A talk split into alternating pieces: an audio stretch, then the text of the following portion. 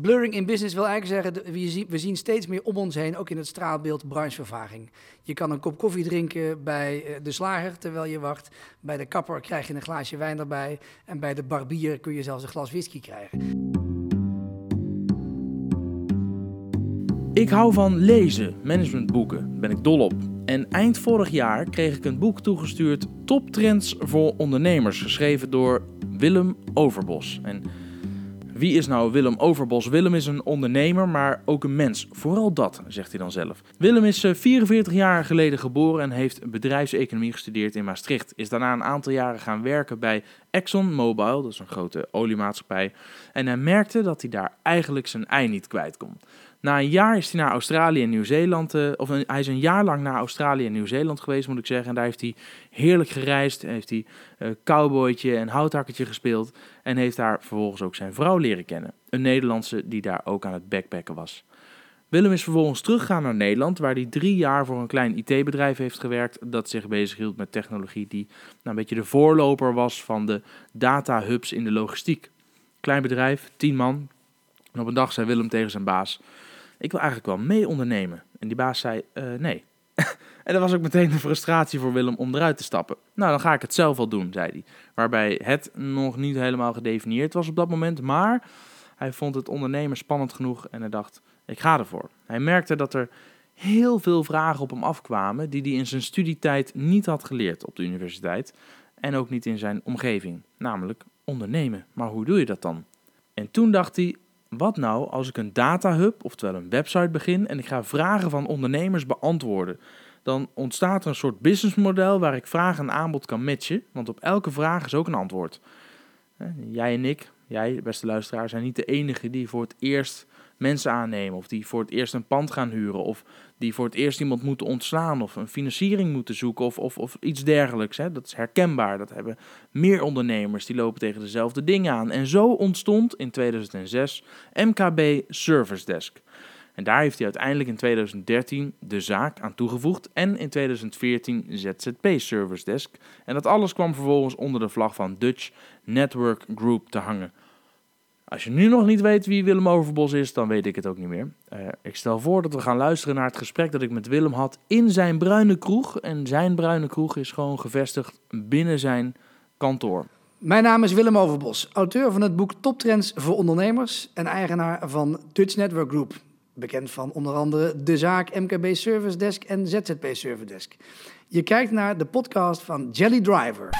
Oh ja, hier moet ik natuurlijk heel even inbreken, want waarschijnlijk kijk je nu niet naar deze podcast, maar luister je ernaar. Maar ja, alle podcasts die ik opneem, of nou, bijna alle podcasts die ik opneem, daar neem ik ook een camera bij mee. En die video die zet ik dan op mijn YouTube-kanaal. Dus als je op YouTube zoekt naar Jelle Drijver en je abonneert je daar op mijn YouTube-kanaal, dan zie je ook de opnames bij interviews zoals dit interview met Willem Overbos. En er komt nu die lekkere bumper. Ik zit hier gewoon in jouw eigen kroeg, Willem. Hoe relaxed is dat? Je hebt gewoon een kroeg op kantoor. Dat is toch super? Ik bedoel, als je over een ondernemersdroom is het je eigen bruine kroeg in je eigen pand. Ja, het is eh, Café de Zaak. Dus als jij thuis nu zegt, ik ga even naar de zaak, dan weet ik nu waar jij zit. Maar je, je vrouw weet hier ook van? Vrouw en kinderen weten hiervan. eh, daarom staat hier ook een voetbaltafel. Dat als ze alle vier hier zijn, dan kunnen ze meedoen. Top trends voor ondernemers. Dit boek heb je geschreven. Ik kwam hem tegen op eh, managementboek.nl. Je, eh, stond in het, eh, in het magazine ook van managementboek.nl. Het managementboek. Management een jaar op zolder. Dus je je, is, is het waar, een jaar lang opgesloten op zolder om dit boek te schrijven? Nou, voor het merendeel van de weekenden en de vakanties in ieder geval. Door de week was ik ook nog wel op andere plekken te vinden. Maar ik, ik heb wel geleerd dat het schrijven van een boek niet iets is wat je op, een, op een doordeweekse vrijdagmiddag aan het doen bent. En eh, in alle eerlijkheid, ik heb me daar wel een beetje in vergist. Ja, dat hoor je eh, vaak van mensen die een boek hebben geschreven, dat ze achteraf zeggen, holy, als ik dit geweten had, dan had ik er misschien nog wel twee keer over nagedacht. Maar je hebt hem geschreven, Eh, je had ook een mooi verhaal, jouw kinderen kwamen af en toe even kijken of alles nog goed ging met je. Ja, die kwamen inderdaad op de zolder en zeiden, papa, papa, wanneer is je boek al af? En dat werd echt zo'n ding dat je op een gegeven moment merkt van, ja, fuck, wanneer is dat boek nou een keer af? En dan, nou, dan zei ik ja, ja, ik ben er bijna, ik ben er bijna. Eindelijk was het boek af in september. En toen was het, en papa, wat heb je voor cijfer? Heerlijk, heerlijk. En wat heb je voor cijfer? Want ik, eh, eh, wordt het een beetje goed ontvangen überhaupt? Ja, ik moet zeggen dat uh, ik heb twee dingen geleerd. Dus ik, ik, vind het cijfer goed, de recensies zijn goed. Uh, ik heb er nu een aantal gehad in, in hele ja, diverse media. Van, uh, van een blad van verenigingsmanagers tot en met nou, recensies in managementboek.nl en bol.com. veel recensies gaan over dat de algemene trends herkent iedereen wel. Maar de, de toegevoegde waarde van dit boek zit hem echt in de toepassing daarvan dat is ook precies het gat in de, in de markt wat ik, uh, wat ik opzocht. Omdat je merkt dat heel veel mensen lezen wel megatrend A, megatrend B. Je zou die kant op kunnen. Maar wat moet je nou morgen doen om ermee aan de slag te gaan? En in die, in die toepassing zit nou juist de toegevoegde waarde van dit boek. Staat ook onder, hè, van trend naar toepassing. En wat ik leuk vind is, je, je, je bent ondernemer. Ik, wil zo graag wat meer horen over uh, de bedrijven die je hebt. Want je doet meerdere dingen. En dat is ook mooi, want ik ben ook benieuwd uh, hoe jij dan binnen jouw bedrijven straks uh, al die elementen gaat toepassen, al die trends. En ik vind het uh, ja, achteruit kijken is af en toe leuk, heel even, maar we moeten vooral vooruit. Dat gaan we nu in 2018 anders doen. Dus ik ben ook wel benieuwd of we in dit gesprek de trends die je zelf hebt, zelf hebt herkend, vaak met hulp ook van specialisten op dat gebied, hoe je die gaat vertalen naar je eigen business. Dus ik, ik, ik, toen we hier door die kroeg heen liepen en ik met mijn camera bezig was, vond ik hier een, uh, een, een, een, een dobbelsetje. Je hebt tien trends geformuleerd, geloof ik. We gaan het spannend maken. We gaan het spannend maken. Dus ja, we kunnen natuurlijk van voor naar achter dat boek doorlopen. Maar misschien is het nog leuker als we gewoon... nou, ik, ik, neem de eer om zelf te beginnen. Trend 6. Nou, daar, weet je het uit je hoofd of niet? Trend 6, dat zou, uh, dan zitten we in ieder geval in het, uh, in het tweede deel van het boek. Uh, en volgens mij gaat hij over de digital nomads. Ja, precies. Als er maar wifi is. Een interview met Esther Jacobs. Wat heeft dat interview jou aan inzichten opgeleverd? Esther is een uh, ondernemer die ik al een tijd volg. Zij is een van de eerste digital nomads, in ieder geval van Nederland. Iemand die eigenlijk nergens woont. En dat was ook het mooie van, van haar verhaal eigenlijk. Zij heeft in Nederland een. Uh, als, je, als je in Nederland woont, dan heb je een, uh, een betere. Even, uh, hoe noem je, je, je, je, je bedrijfsgegevens voor de Belastingdienst. Moet ja. je ergens wonen, anders besta je feitelijk niet. Ja. Om een, een burgerservice nummer, dat is het. Ja. En zij, zij was aan het ondernemen als digital nomad. Dus woonde en werkte eigenlijk over de hele wereld. En schreef haar boeken en verhalen vanuit de hele wereld. Maar ze moet natuurlijk wel ergens een vestigingsadres hebben. En ehm, omdat zij dat niet had kon de Belastingdienst daar niet mee omgaan. Oftewel, ja, ze verklaarden haar gewoon eigenlijk als een persona non grata. Want ja, je bestaat dus niet. De, de, de wet kan er nog niet mee omgaan hoe deze nieuwe ontwikkeling feitelijk aan het, uh, aan het gebeuren is. En wat je dan merkt is dat een digital nomad, ja, het, hè, iemand die gewoon plaats en tijd onafhankelijk werkt, daar hebben we het natuurlijk al veel vaker over. Het, mobiele werken. Het, ja, dat is niet zo nieuw meer. Dat is niet zo nieuw meer. Maar als je nu kijkt naar die, die, de versnelling in die ontwikkeling, dat je inderdaad alleen nog maar een laptop en een wifi-verbinding nodig hebt om je werk te kunnen doen. En dan kun je lekker, hè, ze zit vaak op een boot uh, op reis van hier naar de Caribbean. En daar kun je natuurlijk ook prima werken. Het tijdverschil is minimaal. Um, en daar zit een unused potential. Heel veel ondernemers, en daar komt ook meteen die toepassing, hebben moeite met het vinden van goed personeel. Hè? Of dat nou in vaste dienst is of juist flexibel personeel. Maar je kan natuurlijk gebruik maken van heel veel digital nomads die ja, anywhere in the world zitten. Je moet alleen even weten waar je ze kan vinden. Ja, en waar vind je die uh, digital nomads? Heb je wel eens met Fiverr.com gewerkt zelf? Ja, zeker. Voor 5 dollar even die eerste taak wegzetten. Nou merk wel dat, dat 5 dollar, zo is het ooit begonnen, heel sympathiek. En er is nu steeds minder ook echt voor 5 dollar te vinden. Uh, maar dan nog, dan kom je misschien op 35 dollar uit. En dan heb je gewoon een folder ontworpen of een e-book gemaakt of een jingle ingesproken. Of voor de mensen die naar dit YouTube-kanaal kijken. Hè, sommigen luisteren naar deze podcast, maar sommigen zullen ook het interview bekijken op YouTube. Uh, Jelle Drijver, of Jelle Drijver zoek op YouTube, vind je het vanzelf. Aan het einde van dit filmpje komt er dan zo'n ja, zo'n teasertje met vond je dit nou een leuke video? Uh, reageer in de comments of uh, abonneer je op dit kanaal. Thanks. Dat is een animatie, die zit, en er zit mijn gezicht en alles zit erin. Daar heb ik 15 dollar voor betaald op Fiverr. Dat is toch geniaal? Ja, is briljant. Ja, nou heb je dan vervolgens, heb je, stel je doet iets in de, in de IT, dan heb, ga je over waar haal je nou goed IT-personeel vandaan? Nou? Upwork. Ja daar kun je natuurlijk, hè, iemand die in Sydney aan het werk is en daar toevallig de skills heeft die jij, die jij nodig hebt. Ja. het contract wordt feitelijk gefaciliteerd door Upwork en je bent aan de slag. Ja, je betaalt met PayPal en je, alles is geregeld. Upwork heette hiervoor uh, Odesk, is uh, na een fusie uh, Upwork gaan heten. Via Upwork heb ik bijvoorbeeld Matthijs gevonden. Matthijs die reist vooral heel veel door het Oostblok. Geeft daar ook eh, eh, eh, rondleidingen door verschillende steden. En in de avonduren en in zijn dode uurtjes tussen de rondleiding door... werkt hij voor ons transcripts uit. Dus als je een transcript van dit gesprek wil... dan ga je naar jelledrijver.nl slash Willem. En dan kun je daar je naam en e-mailadres invullen. En dan download je een pdf met het hele transcript. En dat is getypt door Matthijs. En ik stuur dit interview naar Matthijs. En die doet dat ergens de komende dagen als hij er tijd voor heeft. En ik krijg gewoon in Google Docs krijg ik een uitgebreid uitgebreid uh, transcript weer terug. Werkt briljant. En nou noem je eigenlijk ook alweer Google Docs. Ja. Ook dat is voor heel veel uh, ondernemers en werknemers is dat nog best wel nieuw. Ondanks het feit dat jij een adept bent van deze technologie en van deze manier van werken, merk je dat iets Google Docs samenwerken aan een document is gewoon nog heel nieuw. En dan denk je, ja, maar hoe kan het nou dat niemand dat weet? Nou, omdat het merendeel van de mensen gewoon nog in een Microsoft Office omgeving werkt, op een Internet Explorer en denkt het bestaat niet. Ja. Dus bij trends toepassen, zowel het werken met digital nomads als het samenwerken aan, uh, aan, je, aan je documenten of aan je programma's en het samenwerken met anderen überhaupt. Ja, daar zijn nog heel veel ontwikkelingen die je gewoon vandaag kan gaan starten. En waar heel veel mensen nog een gigantisch voordeel mee kunnen krijgen. En dat is nou typisch een toepassing uh, die ik beschrijf. Een andere hele leuke is ook kantoorruimte. Ik zit hier in een, in een kantoorpand waar ik ruimte over heb. Nou, wat je dan vervolgens kan doen, je kan je kantoor openzetten voor mensen die digitaal werken. En zeg, kom maar hier werken. Ik heb hier wifi, ik heb hier een kop koffie en je kan een boterham mee eten. En op die manier haal je eigenlijk je, uh, je team naar binnen toe uh, en faciliteer je een locatie. Ja. Kennis en inspiratie. Nou, jij weet dat ik peper in je pand heb als bedrijf, dus laten we daar straks nog eens even over doorpraten. We zijn er nu toch. Dat was trend nummer 6. We hebben natuurlijk tien trends te gaan. Dus ja, als jij nou gaat dobbelen, dan pak ik vast het boek erbij. Overigens, voor de mensen die vaker luisteren en kijken, weten misschien... ik ben echt redelijk Google, Google G Suite fan. Uh, en ik gebruik Mac. Ik ben wat minder Microsoft-minded. Ik moet Microsoft wel de credits geven dat ze met Office 365 wel eindelijk, zeg ik er even bij, ook in beweging komen om ook op, op, op hun Microsoft-platform de, de, de mogelijkheden die er al heel lang zijn bij Google G Suite ook te faciliteren richting de Microsoft-gebruikers. Waar werk jij mee? G Suite. Ja. Dat doe ik al sinds 2008. Um, maar ik ben het wel met je eens dat uh, Microsoft nu een hele grote stap aan het ja. zetten is.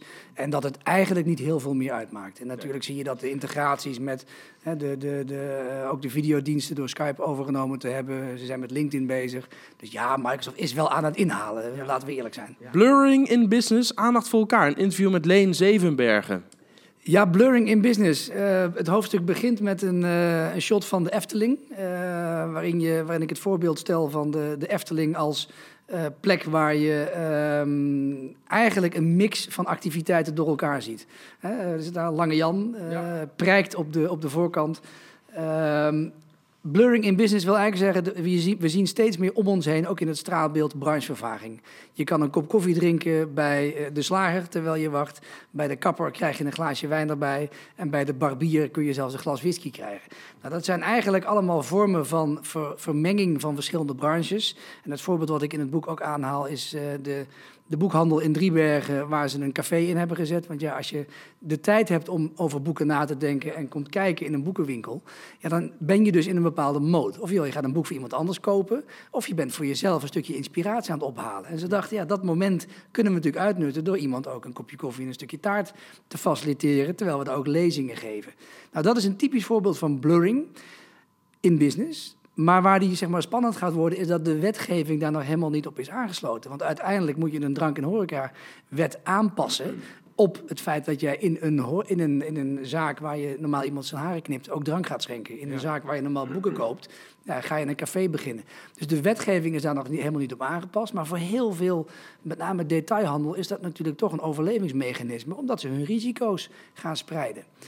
Eigenlijk heb je dit boek ook een beetje geschreven voor de Tweede Kamer. Jongens, kijk nou eens, dit is waar we naartoe gaan en, en, en pas daar de wetgeving eens een keer op aan. Want ik hoor je nu eigenlijk al bij twee trends zeggen, uh, uh, we zijn er, dit is een trend, alleen we zijn er nog niet helemaal klaar voor. En dat zou je kunnen zeggen over het merendeel van de trends, inderdaad. Uh, Jelle, er zijn natuurlijk heel veel trends en ontwikkelingen die voorlopen. En dat is überhaupt met trends. Trends zijn dingen die je nu wel kan zien en ervaren. En dat is ook wat Leen in zijn, in zijn interview heel duidelijk aangeeft. Het zijn, het zijn golven eh, van de tijdgeest. Het zijn, zijn dingen die je om je heen kan signaleren die er al zijn. We starten net hier voordat we begonnen even onze hè, Google Voice eh, kit op die we op de Raspberry Pi hebben neergezet. Je kan nu al spelen met artificial intelligence. Alleen de vraag is natuurlijk, ja, waar gaat die data dan naartoe? En eh, heeft de overheid daar wel een, een, een antwoord op? Ja. Nou, daar, daar komt natuurlijk wel een nieuwe wet aan die daar van alles over gaat vinden. Maar eigenlijk is de technologie al vele malen verder dan dat de wetgever is. En ja, ik weet niet hoe jij dat ziet, maar er zijn natuurlijk heel veel mensen die bij de overheid werken, die hier nog ook geen kennis van genomen hebben. Ja, dat is... eh, Probeer maar eens een Google-docje te delen met een ambtenaar. Hè? Ja, dat is heel, eh, heel lastig, want die vraagt dan kan ik dit downloaden als Word-document en dan krijg je alsnog een Word-document weer terug, wat je zelf weer moet omzetten naar. En uiteindelijk heb je nog steeds vier verschillende versies en weet niemand wat nou de laatste versie is en of daar alle opmerkingen verwerkt zijn. Maar, Maar wij je- geven niet op. Wij geven niet op. Nee, heel goed. Hey, maar blurring in business, wat ik hoor, ik doe verschillende dingen. Ik maak deze podcast, ik doe die interviews, ik geef lezingen, ik, ik verhuur panden, ik help bedrijven met hun online marketing. Dan krijg ik wel eens op mijn flikker van mijn omgeving. Zeg, ga nou eens een keer focussen, man. En hoe zit dat dan bij blurring in business? Nou, daar zoek je juist die, eh die branchevervaging op. Dus wat, je eigenlijk traditioneel gezien was de markt verdeeld in branches. Je deed iets, je was schoenmaker, even plat gezegd, of je hebt een groot handelsbedrijf, of je bent bakker. En dat is wat je doet. En dus word je lid van die branchevereniging en die weet dan alles van de horeca of alles van de bakkers. En in, dat, in, zeg maar, in die vertical ben en blijf je actief en groei je door. Alleen je ziet dat dat natuurlijk vervaagt. Internet heeft niet alleen maar ondernemen gedemocratiseerd, maar ook die branchevervaging geholpen. Want informatie is in één keer veel breder toepasbaar en beschikbaar. En ook de consument verwacht steeds meer verschillende ja, diensten en producten af te kunnen nemen op verschillende plekken. En een beetje slimme ondernemer, die speelt er natuurlijk op in. Waarmee ik niet zeg dat je je focus niet zou moeten verliezen. Je moet wel erover nadenken. En het leuke van blurring in business is dat je er heel makkelijk mee kan experimenteren. Ehm, en dat het niet meteen je hele business omver hoeft te gooien. Maar als je het niet doet, ja, er is waarschijnlijk een buurman die het wel doet. Nou, wat ik leuk vind is, is, is dat ik, doordat ik die panden vuur en kantoorruimtes vuur, kom ik ondernemers tegen. Die kan ik in veel gevallen ook weer helpen met online positionering. Eh, eh, die kennen weer andere ondernemers die op een gegeven moment ook kantoorruimte zoekt. Ik kan die ondernemers af en toe interviewen. Dan heb ik weer leuke content voor, eh, voor mijn podcast en een online kanaal. En ja, wij zitten nu weer aan een bar in dit geval. Dus het brengt mij ook weer heel veel nieuwe contacten. Dus als, als ik het uitleg, dan snappen mensen het vaak wel.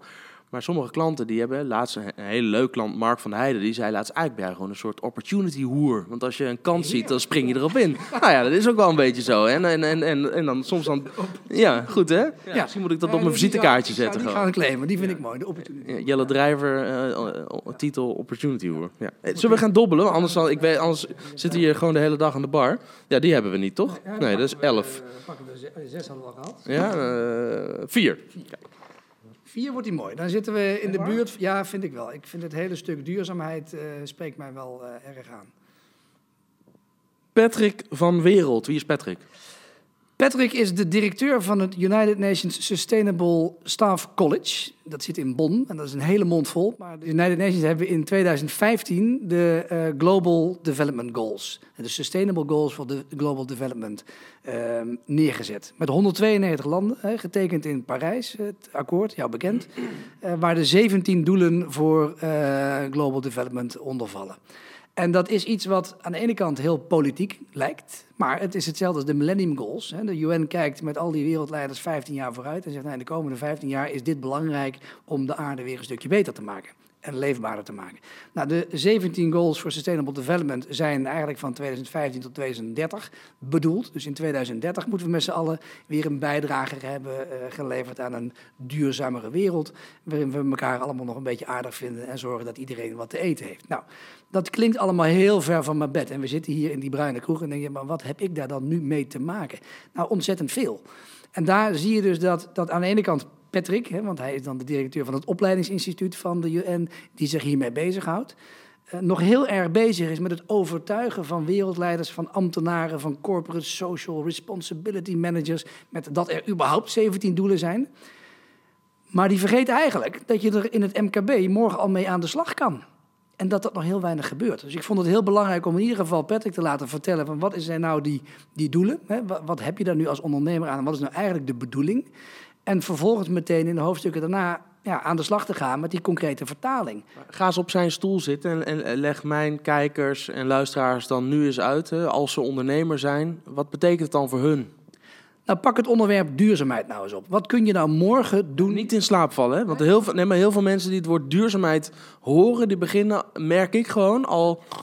Dan gaan we weer. Ja, we, we- maak het nou eens sexy. Ik vind het een marketinginstrument. Ik heb dit boek bijvoorbeeld, Top Trends, gedrukt op papier gemaakt van landbouwafval. Nou, dat Zodat je kunt zeggen, En niet alleen dat ik het kan zeggen. Nee, ja, maar vind je ook echt. Ja, je hebt het hier gewoon over. Kijk, een boek is natuurlijk iets waar je ja, maar daar bomen voor omgezaagd. Nee, jij kan, als jij zeg maar, elke folder die je afdrukt, elk papiertje dat je print, kun je drukken op papier gemaakt van landbouwafval. Kun je drukken op papier gemaakt van steen. Ja.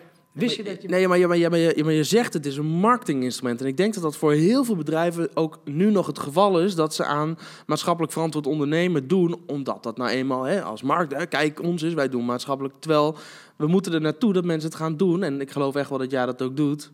Omdat ze ook vinden dat dat Ja, gewoon nodig is. De Maar combinatie bij ondernemers zit hem er altijd in dat het iets, het moet je ook iets opleveren. Dus je mag een bijdrage leveren aan een betere wereld, social entrepreneurship. Maar uiteindelijk, at de bottom, bottom line, moet je er ook iets mee verdienen. Een van de mensen die een recensie heeft, nergens in jouw boek staat er iets over winst. Maar ik vind het daadwerkelijk winst als jij vanuit je overtuiging dat je een bijdrage wil leveren op zoek gaat naar een businessmodel of naar een toepassing. En bij de toepassing van duurzaamheid, door te denken aan hè, duurzaam printen, door te denken aan eh, nou ja, het, in dienst nemen van mensen die een bepaalde leeftijd hebben, door te denken aan mensen die iets extra's nodig hebben en daar ook iets mee te doen, door een goed doel te steunen. Heel simpel. Ik pak Oxfam Novib, goed doel. Houdt zich bezig met ondernemerschap in derde wereldlanden. Ja, dan ben je dus heel erg bezig met ondernemers onder elkaar. Wij samen snappen dat. Maar jij kan dus heel makkelijk die bijdrage leveren. En daar nog ook eens een keer een positief verhaal van maken. En ik denk dat die combinatie juist voor ondernemers het MKB heel belangrijk is. Dat het niet alleen maar is, ja, we moeten iets met duurzaamheid. Nee, maar het doet ook nog eens een keer goed. En vergeet niet, als jij bijvoorbeeld diensten gaat aan de overheid, ja, die koopt 100% duurzaam in. Dus je bent gewoon out of business als je niet meedoet. Nou, dat vind ik nogal belangrijk. ja, ik kan me voorstellen dat dat ondernemers misschien nog wel wat meer triggert. Zullen we nog een keer dobbelen? Twee. Die hebben we ook nog niet gehad. De real-time revolutie. Overal en altijd, van alles op de hoogte. Ja, gek word je er af en toe van. Word je niet doodmoe van het altijd en overal op de hoogte zijn? Aan de ene kant ehm, merk ik dat ik daar vragen over stel. Ehm, aan de andere kant merk ik dat de kansen die die digitale revolutie biedt. Hè, dus ja, iedereen is altijd al online. Hè, daar, daar begint eigenlijk het boek mee. Er is een digitale revolutie, dat weet iedereen. Ja. Tweede is die real-time economy. Het feit dat we in staat zijn om deze uitzending eigenlijk real-time via YouTube, hè, live event, te streamen. Ja. En daarmee een heleboel stappen in een zeg maar, productieproces over te slaan. Dat is natuurlijk heel bijzonder. Het feit dat ik, als ik zeg maar, op jouw hè, eh, horloge, op jouw iWatch zit, op je Apple Watch zit of op een ander bandje zit. En ik kan jouw hartslag meten. Betekent dat ik als ondernemer feitelijk de hartslag van mijn klant kan meten. Het feit dat een bank hè, digitaal meteen mijn bankgegevens, mijn boekhouding kan inleveren, inlezen en daarmee kan beoordelen of ik wel een beetje hè, Waardig ben. waardig ben, eh, rente en aflossing kan betalen. Ja, aan de ene kant is dat heel eng, want je marge voor onderhandeling wordt natuurlijk steeds kleiner. Aan de andere kant, ja, Lekker transparant. het is lekker transparant en die kant gaat het wel op. Eh, het slaat heel veel slagen in een proces over. En je weet inmiddels, als jij bij Spotcap financiering wil hebben, gewoon binnen 10 minuten waar je aan toe bent. Bam. Betekent wel dat je door kan. Het betekent wel dat je slagen kan maken. En het betekent ook dat je als ondernemer uit wordt gedaagd om daarop in te spelen. Aan de ene kant natuurlijk consument, die verwacht gewoon dat jij hè, met je chat meteen ook beantwoordt. Die verwacht ook dat als ze jou bellen, ja, dat je opneemt. Die verwachten ook dat als je informatie verstrekt, dat die real-time beschikbaar is. Dus je zal ermee moeten spelen aan de ene kant. Nou, dat vraagt veel van jou als ondernemer. Aan de andere kant, het kan je nog veel meer geven. Want die data kun je dus ook real-time analyseren. Je kan, als we deze uitzending zouden streamen live, meteen zien of er mensen meekijken. Mensen kunnen live vragen stellen en we kunnen live meepraten. En we kunnen ook nog eens die data die erachter zit analyseren. Dus we leren ook vele malen sneller. En dat vind ik juist interessant. Zeker als je dat gaat combineren met, eh, met AI en, eh, en andere vormen van eh, data processing. AI, hè, je hebt natuurlijk net al, ehm, eh, we hadden het over hoe, hoe snel dat apparaat kan leren. Hè. Hij noemde jou eigenlijk bij de naam van je zoon. Toen zei Google, ik heet Willem. En daarna zei hij, wil je dat ik je Willem noem? En vanaf nu, nu zegt hij steeds, Willem, je hebt een afspraak om 11 uur. Dus, maar maar dat, dat slimmer worden van apparatuur, vertel daar eens wat over. Doe je daar iets mee en binnen, binnen een van jouw bedrijven? We zijn heel erg bezig met community management, dus community building. Hoe kun je nou een community... We hebben op 300 MKB Service Desk eh, deel je dan met name op, denk ik. 350.000 bezoekers per maand. eh, 70.000 profielen. En wat kun je daar nu van leren? Want al die mensen die daar op dat platform komen, die zoeken iets. En op het moment dat ik ze kan identificeren van een, eh, eigenlijk een onbekende zoekvraag, iemand die googelt, komt bij jouw platform en ja, het is een IP-adres die een bepaald gedrag vertoont naar Jelle, die daadwerkelijk geholpen wil worden met het aannemen van personeel of het verhuren van een kantoorpand. Ik verzin even wat. Ja. Ja, op dat moment, en Jelle doet dat in Utrecht, hè, maar ook in Rotterdam en in, eh, in Amsterdam, ja, dan kun je profielen gaan bouwen. En op het moment dat ik beter weet, en jij staat mij ook toe dat te weten, hè, want het is natuurlijk wel in consent, eh, jij staat mij toe dat te weten, en dan kan ik jou helpen om sneller en beter eh, keuzes te maken, dan wel jou in contact brengen met ondernemers die iets te verhuren hebben. Nou, op het moment dat je daar slim mee speelt en vanuit nou, het MKB Service Desk je dienstverlening ook gaat verbeteren, doet dat een beperkt beroep op resources. Ik hoef niet meer mensen neer te zetten hier. Ik kan efficiënter mijn bedrijf draaien. En ik kan eigenlijk ondernemers op mijn platform beter faciliteren. Ik kan ze beter ondersteunen in hun ondernemerschap. Nou, natuurlijk maakt technologie, Google Cloud Platform, hè, maakt het heel makkelijk om, nou ja, wat we net deden met die, met die Google Voice of Google Text, heel makkelijk om eh, die API's aan te roepen en op je data los te laten. Dus je kan spelen. En ik zie het ook maar als spelen. Het is gewoon knutselen met technologie. Er kan niet zo heel veel kapot. Uh, ja, je kan heel erg gaan kijken naar de risico's van privacy en dit en dat. Daar moet je rekening mee houden. Dus hè, als we een boek zouden schrijven over ellende en over moeilijke dingen en over wat allemaal mis kan gaan, dat is een ander boek, niet mijn boek. Ik ben ook een beetje een Positivo, ja. positivo en een, uh, wat noemde je net, een opportunistische hoer.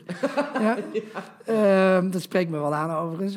Maar dat is leuk. En het is niet alleen leuk, maar door dat knutselen, want dat is het natuurlijk, je bent aan het, aan het knutselen, aan het knutselen met technologie. Uh, die is beschikbaar. Je kan overal ter wereld mensen betrekken in je knutsel, in je project. Uh, en je kan dus heel snel leren en weer ja, verbeteren, verbeteren, verbeteren. Er zijn natuurlijk boeken over geschreven, lean, agile, noem het allemaal maar op. Maar in de basis gaat het natuurlijk ook gewoon over knutselen. En trends toepassen is niks anders dan een beetje durf hebben en knutselen. Ja, ik zeg wel eens, ik ben 33, maar ik ga elke dag buiten spelen. Zo voelt het ook. Ik ga elke dag naar kantoor en dan ga ik nou ja, leuke dingen doen en kijken wat er kan. En ja. dingen aan elkaar friemelen. En uh, ik ben laatst heb ik, heb ik ook een zakelijke rekening geopend bij Bunk. Om gewoon, omdat ik het leuk vind om te kijken hoe gaat dat en hoe werkt het. Hey, wat ik een verademing vind, is dat zij gewoon zeggen: hier heb je onze API. En dan zegt Moneybird: ah, te gek, hier heb je onze API. En die knopen we aan elkaar. En ik hoef dus niet meer nu één keer per maand of één keer per week mijn MT90-bestand te downloaden bij de ABN. Omdat, ja, om dat dan vervolgens te uploaden naar Moneybird. Om dan alle mutaties te koppelen aan alle inkomen en uitgaande facturen. En nu, als ik, als ik nu een betaling doe, of ik maak jou nu geld over, dan staat het over 30 seconden ook in mijn boekhouding. En hoef ik alleen nog maar te zeggen: dat hoort bij die factuur van Willem.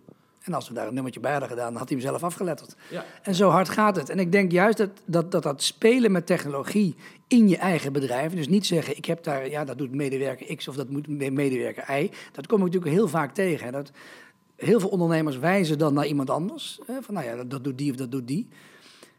Gemiddelde ondernemer in Nederland, Jelle? 46. Hè, dus even mijn profiel. Ik ben 44, bijna 45. Vier kinderen. Gemiddeld hebben ze er dan twee uh, is natuurlijk beperkt bezig met technologie. En als je dan om je heen kijkt en je sluit je ogen of je durft er nog niet zo mee te spelen, want misschien is het wel eng, ja, dan gaat jouw zoon of dochter jou daar wel vertellen hoe dat moet. Want dat is natuurlijk de consument van de toekomst. Die generatie Z die er nu aankomt, ja, daar moet je wel nu op voor gaan sorteren. Dus het spelen met technologie, wat je zei, dat elke dag buiten spelen, dat is voor iedereen belangrijk. En weet je wat, het is nog leuk ook. Dus mijn oproep aan iedereen die deze podcast ziet of hoort is: ga lekker spelen. Want je neemt het boek in de hand en ga naar buiten toe en ga het gewoon testen. Want het is helemaal niet eng. Het is juist leuk. Wat nog een keer gooien? We naar negen? Ja, negen, die hebben we nog niet gehad. Ja, dat is uh, de stap naar as a service. Maar wacht even, want dat is natuurlijk toptrends voor ondernemers. We zijn nu 2018. Maar de stap naar as a service. Ik, volgens mij heb ik dat vier jaar geleden ook al gehoord als trend abonnementisering. Ja, heb ik, heb ik software as a service. Hè? Of, of, of doe je nu op de scheermesjes die ik elke maand krijg en de picknick eh, die op zondagavond zegt: joh, als jij morgen weer je boodschap wil hebben, zoals eigenlijk elke maandag, dan moet je nu bestellen. Dan heb je nog een uur, anders dan wordt het woensdag. En vertaal hem maar eens even door naar de bloemist, hè, met bloemon en de verse bloemetjes op, jou, eh, op jouw tafel, uh, zakelijk gezien. Ja, dat zien we wel veel meer nu dan vier jaar geleden, dat ben ik met je eens. Veel meer dan vier jaar geleden. Het zit nog steeds heel erg in die start-up zien, want ja, die scheermesjes allemaal nog hip en happening. Het is heel veel Amsterdam, ja. zeg ik altijd maar. Het is heel veel, nou, een beetje Rotterdam en vooral New York. Maar het is nog helemaal niet Driebergen, Lutjebroek of zelfs Arnhem, wat toch al een grotere stad is. En daar zie je dus in dat heel veel van die hippe laten we zeggen, trendy ontwikkelingen van alles as a service nog helemaal niet zo zijn doorgebroken. En ook daar geldt weer, het zit hem in die toepassing. Dus er zijn een aantal, wat we wel eventjes noemen, start-ups of scale-ups of hele grote bedrijven die het voor elkaar hebben. De Netflixen van deze wereld, hè, daar kun je naar kijken en die zijn succesvol. Maar jij als ondernemer kan het in jouw bedrijf ook doen. Je kan je businessmodel omgooien. En in jouw geval zou je natuurlijk kunnen zeggen: hey Willem, uh, je vindt het blijkbaar leuk om verhalen te vertellen over bepaalde ontwikkelingen. Zullen we daar eens een abonnementje van maken? Stel nou dat ik hier elke maand even langskom voor een vast bedrag per jaar.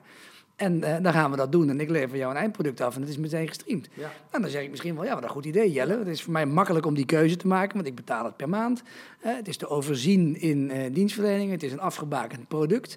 En als je als ondernemer daarmee gaat experimenteren, dan kun je dus heel veel van de dingen die je nu doet, of je nou in de dienstverlening of in de productie zit, abonnementiseren. Ja. Het is goed voor je cashflow. Het is goed voor je voorspelbaarheid. Ja, recurring. Het is recurring, oftewel het voldoet aan een heleboel dingen waar zowel banken als andere investeerders oren naar hebben. En voor je eigen rust is het ook lekker, want als je hem aan de praat hebt, ik zeg niet dat het makkelijk is, maar als je hem aan de praat hebt, ja, dan ben je al vrij snel in een situatie dat je kan gaan schalen. Ja. En het is veel beter voor de waarde van je bedrijf en de verkoopbaarheid van je bedrijf, omdat je kan voorspellen wat er gaat gebeuren.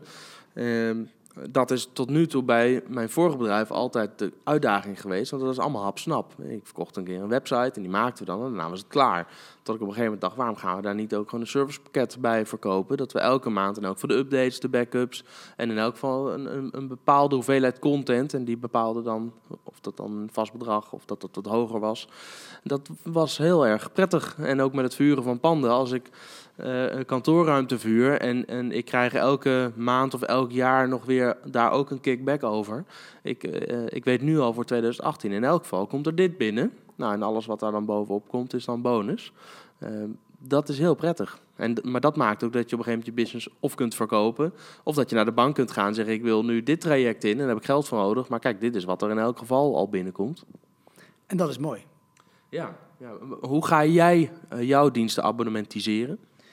Nou, voor een deel hebben we natuurlijk onze abonnementen op advies en uh, dat soort zaken. Die, die zitten uh, in, de, in de huidige dienstverlening. Wat ik een hele interessante vind is content marketing as a service. Mm. Waarbij natuurlijk veel corporates bij ons graag die doelgroep ondernemers willen bereiken. En nog heel erg denken in lead-campagnes en in, uh, ja, laten we zeggen, de banners en de buttons. Ja. Uh, waarbij content marketing wel aan het doordringen is, maar as a service, waarbij wij zeggen, nou ja, wij zorgen ervoor dat per maand voor een bepaald bedrag jij in contact komt met een bepaalde doelgroep en daar ook contact mee kan onderhouden. Uh, dan bouw je dus eigenlijk een community rondom de, die specifieke vraag. Ehm, en dat als een dienst aanbieden ja, daar merk je dat, hè, dan ben je nog best wel vroeg in de markt, maar daar geloof ik wel heel erg in. En dat... Je hebt natuurlijk wel een hele brede doelgroep. Hè? Of, of zeggen van, nou, we gaan wel echt, nou ja, ondernemers, maar zeggen we gaan wel echt binnen die ondernemers ook nog weer voor speciale niches. Ik heb bijvoorbeeld gisteren een bezichtiging gehad met een heel leuk bedrijf, uh, Splend. En die, die, die doen dit, content marketing as a service, maar specifiek voor IT-bedrijven. Dus, uh, en dus technische bedrijven moet ik zeggen, niet IT, maar echt technische bedrijven. Vind jij het nodig of slim om dat soort niches te kiezen? Of zeg je van, joh, je, kan het veel breder trekken? Ik vind het slim. En als je het hebt over lessons learned, dan ben ik ook een generalist. En uh, ik denk juist dat door, uh, door het te focussen op een bepaalde doelgroep, hè, dus je noemt het al de scheermesjes of je noemt gewoon een hele specifieke markt, ja, dan kun je excelleren uh, in die specifieke markt. Inderdaad, het MKB bestaat niet, feitelijk. Het is een definitie van een doelgroep uh, gehangen aan een, een, omzetklasse en een werknemersklasse. Dus iedereen tussen de 0 en de 250 medewerkers is MKB. En dat hoor je natuurlijk ook heel vaak terug op het journaal of bij grote bedrijven. Ja, we bedienen het MKB. Dan zeg ik altijd, maar wie dan? Ja. En hoe ziet dat er überhaupt uit? Nou, dat ziet eruit als een, een, een 1,8 miljoen bedrijven in Nederland, waarvan een miljoen zelfstandigen en zo'n 400.000 bedrijven met minder dan 10 medewerkers. Ja. Oh, oké. ja. En hoe zien dat? Nou, daar zijn het man-vrouw bedrijven en die doen dat samen. En daar worden beslissingen genomen als bij een consument. Oh, oh, oh. En op het moment dat je inderdaad gaat focussen en gaat kijken, maar pak dan de retail, dan wordt het er al 100.000. En pak je dan de webwinkels eruit, dan wordt het er nog minder. Dus ik vind het heel slim om die focus aan te leggen. Want dan kun je dat profilen steeds beter gaan doen. En dan kun je dus ook je content, wat ook weer een lekker breed begrip is, kun je je content daar beter op afstemmen. En kun je die, nou ja, die, die mooie klantreizen kun je beter gaan voorspellen. Ja. En klanten vinden dat ook vaak heel prettig, is mijn ervaring. Op het moment dat jij een bepaalde aandoening hebt, dan kun je naar een chirurg die algeheel chirurg is. Of je kunt naar een chirurg die, die, die alleen maar die aandoening doet en daar gewoon heel goed in is. Nou, welke chirurg heb je liever? Ja, doe me dan maar die standaard die aandoening eh, eh, opereert die ik dan nu toevallig zou hebben. En, en dat werkt voor bedrijven net zo. Dus ik kan kiezen tussen een bedrijf wat, wat content doet, of ik ben een technisch bedrijf en ik zoek een contentleverancier die alleen maar technische bedrijven doet. Ja, doe, doe me dan die maar, want die begrijpt mijn business blijkbaar. Nou, en dat is het. En wij hebben natuurlijk een achtergrond van de afgelopen bijna 15 jaar MKB, dus ja ondernemers. We spreken de taal van ondernemers, dus dat is al een niche ten opzichte van B2B breed. Uh, business to business is wat breder dan uh, alleen maar het MKB.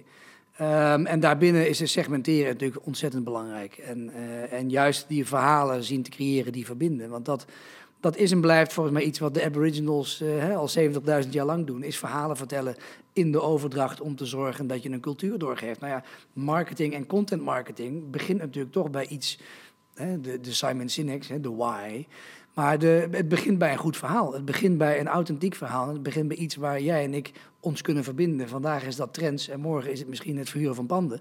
Maar door die gezamenlijke interesse te definiëren en daarmee aan de slag te gaan, uh, creëer je natuurlijk iets heel belangrijks. Ja. Storytelling, is dat nog steeds een trend die gaande is? Of is het juist een, een trend die misschien eindelijk breed wordt opgepakt? Nou, de, de, de term die, die niet in mijn boek staat, maar die, die wel, uh, je zou kunnen noemen, is de narrative. Dus het verhalend, en dat is storytelling, hè, maar het, het verhalend bedrijven van marketing. Omdat een verhaal is overdraagbaar. En, hè, dus de storytelling, ja, ik denk dat het nog steeds zo is. Ik denk dat heel veel grotere bedrijven uh, zich hebben vergist in de authenticiteit. Dus een verhaal moet werken, jouw verhaal is jouw verhaal, mijn verhaal is mijn verhaal. En als ik dicht bij mijn verhaal blijf, dicht bij mijn eigen why en dicht bij mijn eigen ja, autonomie, dan gaat dat goed. Maar op het moment dat ik een verhaal ga vertellen waar ik, niet, eh, waar ik niks mee heb, of waar ik niet achter sta of wat gekunsteld is, ja, dan wordt het natuurlijk dun. Ja. En als het gemaakt is, ja, dan begint het ook natuurlijk heel erg doorzichtig te worden. En als je niet leeft wat jouw verhaal is, dan moet je het verhaal niet vertellen. So don't tell the story that's not yours. Ja. ja. Ik merk, ik, ik, ik ben peper in je pand begonnen omdat ik de, de, typische, traditionele... Als ik aan jou vraag, neem eens een makelaar in gedachten en omschrijft die eens... dan is het 9 van de 10 keer niet per se een heel positief beeld. En ik was ook klaar met dat type makelaars. En daarom ben ik het zelf maar gaan doen. Ik ben zelf op zoek gegaan naar buren voor in het verzamelgebouw... waar ik dan toevallig mijn eigen kantoor had zitten. En, en, en, en dat ging blijkbaar goed. Dus toen dacht ik, ja, dit blijf ik doen. Maar dat is ook iets wat mensen aanspreekt. Mensen denken, ja, ja ik ben ook helemaal klaar met die makelaar. En wat, wat, wat doe je dan anders? Nou, net tikkeltje meer interesse, iets minder arrogant. Ja, je pakt het fundament van ondernemen op. Hè. Dus heel veel ondernemers beginnen vanuit een punt waar ze iets... Hè, waar zit frustratie. Er wringt iets, ja. Er wringt iets en dat is vaak een van de beste startpunten van je onderneming. Uh, omdat er een motivatie achter zit, want je wil dat wringen oplossen. Waar ik heel benieuwd naar ben en waar mijn eigen lessen in zitten, natuurlijk dat, dat, dat wringen of die nieuwe technologie of dat leuke idee wat je hebt, dat achterkant van een bierviltje waar je dat op hebt geschreven. Ja hoe ver denk je nou door hè, en hoe ver, hoe ver gaat dat experiment en wat kost het nou eigenlijk om dat experiment tot wasdom te brengen? En als je het hebt over lessons learned en dingen die je, die je als ondernemer ook goed in de gaten moet houden als je gaat spelen, is probeer wel te zorgen dat je die droom voor ogen hebt. Dus hoe ziet dat eindpunt er dan uit? Waar werk je nou naartoe? Als ik dat jou zou vragen met peper in je pand, ja, wat is het schaalbare model? Oftewel, wat is nou die droom? Waar, waar, is dat eind van het tunneltje? En ben je in staat om die hoepeltjes te tekenen waar je doorheen moet springen? Om van de huidige situatie naar die gedroomde situatie te komen. En dat is een heel leuk voorbeeld in het, uh, in het boek. De, de dromenvangermethode van Oxfam Novib. Uh, die wordt gebruikt in derde wereldlanden om, om mensen die niets hebben, dus van niets iets te laten maken. Nou, dat is ondernemen. Die zijn ook gemotiveerd, want die willen wat eten hebben, die willen hun kinderen naar school brengen. Maar dat is niks anders dan jouw frustratie om hè, een, uh, een pand in de, in de verhuur en hier peper in je reet te krijgen, of in je pand te krijgen. Die dromenvangermethode, ook een leuke download op www.toptrendsvoorondernemers.nl trouwens. Daar kun je hem downloaden. Uh, voor de mensen die denken, wow, dat ging veel te snel. Kijk gewoon even in de show notes onder deze video of in de show notes bij deze podcast. Dan zorg ik dat de URL daar komt te staan. Maar voor de mensen die gewoon pen en papier in de hand hebben, wat was hem? www.toptrendsvoorondernemers.nl nee, Je zou hem bijna kunnen hangen aan het boek, dat is ook zo. Um, daar kun je hem downloaden. En ja, dan weet ik wie je bent. Dus dat is dan de exchange. Ik geef jou iets, we krijgen wat terug. Um, maar dat, dat visualiseren van je droom en hem tekenen, dus niet opschrijven met allemaal moeilijke businessplannen, maar als jij in staat bent om jouw droom te tekenen, kun je hem ook waarmaken. Dat geloof ik wel. Als je het kan visualiseren, dan uh, weet je waar je naartoe moet en dan kun je hem ook steeds voor de geest halen. En het leuke is dat je had het net over, daar trok ik mensen bij. Op het moment dat je een, hè, dus een vision, the reason people call a vision statement is that you have to be able to see it. Quote van Simon Sinek toen ik in die lezing zat. zei die deze, die vond ik zo mooi. Ik denk, ja, maar dat is wel ook een van de grootste uitdagingen van een ondernemer. Jij hebt een beeld in je kop van een wereld waarin bedrijfspanden leuk zijn, hè, waar peper in zit. Ja. Alleen is dat beeld overdraagbaar? Zien anderen wat jij ziet in die opportunity? Snappen anderen wat jij bedoelt? Nou, op het moment dat je dat gaat visualiseren, en dat kun je daarna beschrijven in een narrative, maar op het moment dat je het gaat visualiseren en anderen zien wat jij ziet, ja, op dat moment krijg je natuurlijk mensen mee. En als je daar nog het goede businessmodel onder weet te hangen, geabonnementiseerd dan wel, nou, dan ben je een heel eind. Nee, voor mij is de droom dat ik eh, eh, over een afzienbare tijd zelf eigenaar ben van een aantal panden. Die, en nu verhuur ik het voor andere pandeigenaren. En mijn volgende stap wordt dat ik zelf een keer een pand ga kopen en daar dan een leuk verzamelgebouw van ga maken met een gekke community en eh, met een enorme wachtlijst. Waarom zou je eigenaar willen zijn? Als investeringen voor de toekomst. Pensioen. Ja, pensioen en ook ehm, ehm, eh, het gevoel hebben dat ik, weet je, nu word ik, als ik een huurder plaats, word ik vaak eenmalig vergoed. In sommige gevallen, sommige eigenaren snappen dat het waardevoller is om mij iets minder te betalen, maar wel elk jaar opnieuw als de huurder maar blijft zitten. Eh, omdat ik dan door de jaren heen ook, ook financieel gemotiveerd ben om te zorgen dat de huurder blijft zitten. Dus ook tegen de huurder zeg, joh, bel mij gewoon als de kraan lekt. Dan hoef je de eigenaar niet, vast, eh, niet lastig te vallen. Eh eh, tafeltennis, toernooien organiseer, lunches, bijeenkomsten, et cetera. Want ik wil dat de huurders happy zijn, want dan blijven ze. En dan levert het mij volgend jaar ook nog wat op. Ja. Dus sommige eigenaren snappen dat, maar de meeste zijn nog vrij traditioneel. En die denken, nee, ik, ik betaal gewoon één keer. En, en dan is het klaar. En dan zit het niet in mijn aard om huurders die dan een half jaar later bellen en zeggen de kraan lekt. Om te zeggen, nee, dan moet je nou bij de eigenaar zijn. Dus eh, voor de eigenaren die luisteren, ook dan help ik ze gewoon. Dus in feite hoef je niet te betalen, want ik doe het toch wel. Maar het lijkt mij te gek. Ik denk dat de motivatie nog sterker is als het mijn eigen pand is. En ehm, ehm, de huurpenningen ook gewoon uiteindelijk voor mij zijn. Ja. En dat is een beetje strijdig met trend 3. Natuurlijk die hele platformeconomie. Jij zat in het pand bij Martijn Arets. Die zal je ongetwijfeld een keer iets verteld hebben van eh, de platform. ja, ja. En die vraagt zich wellicht ook af, goh Jelle, waarom zou je eigenaar willen zijn? Ja. En ehm, ik denk wel dat dat een vraag is voor de toekomst. Hoor. Er zal uiteindelijk natuurlijk iemand eigenaar moeten zijn, of met z'n allen eigenaar. Het laatste, ik heb, ik heb in dat pand waar ik met Martijn ooit gezeten heb, eh, aan de Lomanlaan, overigens het Lomanhuis, dat pand is verwerkt in het logo van Peperipand, omdat het daar is ontstaan. En daar heb ik op een gegeven moment wel eens eh, geopperd en dat, dat kon om verschillende redenen toen niet meer, omdat er al een andere koper in beeld was voor het pand. Maar we wisten dat het pand verkocht zou gaan worden. En toen heb ik wel eens geopperd, waarom starten we niet een BV? Worden we met alle huidige 43 huurders eh, eh, aandeelhouder in die BV. We regelen allemaal afzonderlijk een stukje financiering. Dat storten we allemaal in die BV. En met die BV kopen we het pand, zijn we met z'n allen eigenaar. Eh, en als we gewoon huur betalen... Een En, crowdfunding actie, ja. ja, ja, dat leek mij ook te gek. En ik zeg ook niet dat een pand liep je tegenaan? 100%... Nou, dat, met name dat er dus al een andere koper was die exclusiviteit had op de onderhandeling.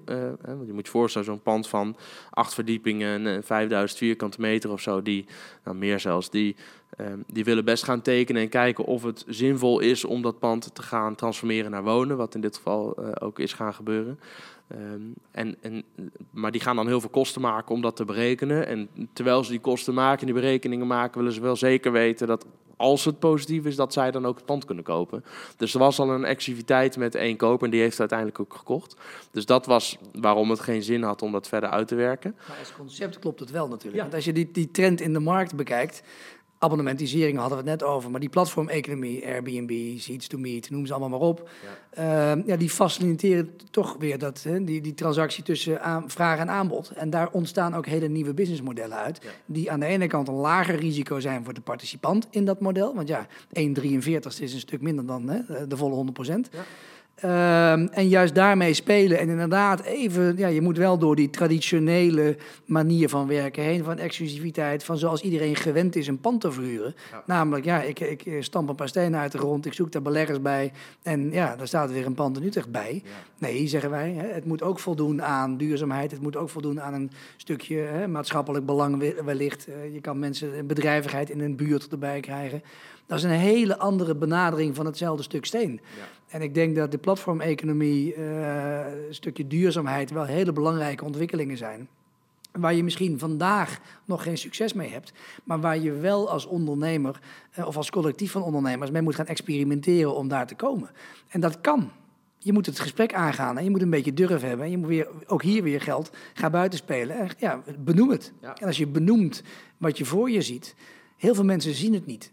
En als je het niet ziet, dan ga je dus natuurlijk het ook niet doen. En ik denk dat dat in, in een gesprek aan tafel, en ik hoop ook een beetje dat het boek dat doet, de dialoog openen. De dialoog openen over niet alleen maar hè, de BNR en de FD en de hoogoverdiscussie over trends en ontwikkelingen die er ooit gaan komen. Nee, juist in de business vandaag. Dus jij hebt een idee. Ben jij in staat het te visualiseren en een aantal anderen mee te nemen en wel met z'n 43 dat pand te kopen? Ik weet ook wel dat je dan heel veel stappen moet nemen om zo'n projectontwikkelaar of een eigenaar of een vastgoedbaas. Hè, want het is veel makkelijker om één, één iemand te hebben en daar pop. Ja, maar het wordt ook één iemand, want het is een BV waar alle drie andere, andere bedrijven participeren. De perceptie, de perceptie is anders. Ja, het is één rechtspersoon met 43 aandeelhouders, bij wijze van spreken. Of het is een coöperatie met, eh, met, met, met, eh, met stembiljetten. Maar die businessmodellen, ja, het gaat natuurlijk best wel hard die kant op. Ik hoef ook niet zelf eigenaar te zijn van het span, maar zo'n car van zo'n BV, hè, die moet toch getrokken worden. Ik wil die cartrekker wel zijn.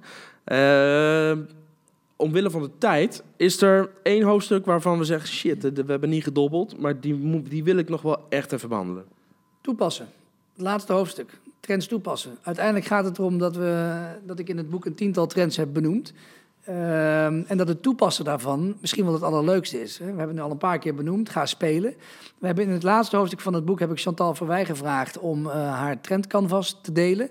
Eh, ook weer te downloaden. Het is een heel makkelijk canvas waarin je eigenlijk gaat spelen met de wereld om je heen. Je pakt een aantal motivatoren, namelijk je wil iets veranderen, je wil je product veranderen, je wil een dienst veranderen, je wil iets op zijn kop zetten, je wil hè, meer marge maken, meer klanten hebben, meer omzet. Je hebt in ieder geval iets wat jou motiveert in je onderneming of wat belangrijk is. Je pakt de trends, hè, je pakt eruit een van de trends en je gaat feitelijk mixen. Je gaat kijken, oké, welke trends kan ik nou op mijn huidige businessmodel loslaten om die verandering of die innovatie die ik eigenlijk teweeg wil brengen mogelijk te maken. En je gaat trendcombinaties maken. En je gaat gewoon kijken, als het ware, hè, experimenteren in de keuken wat daaruit komt. En dat ga je vervolgens gewoon proberen. Je gaat het nieuwe product of de nieuwe dienst die je hebt, ga je maken. Daar ga je vervolgens kosten en opbrengsten aan hangen. En zo ontstaat er uiteindelijk natuurlijk een nieuw businessmodel. Nou, dat trendcanvas vind ik wel een hele praktische om ook lekker mee aan de slag te gaan. Want uiteindelijk het is van trend naar toepassing.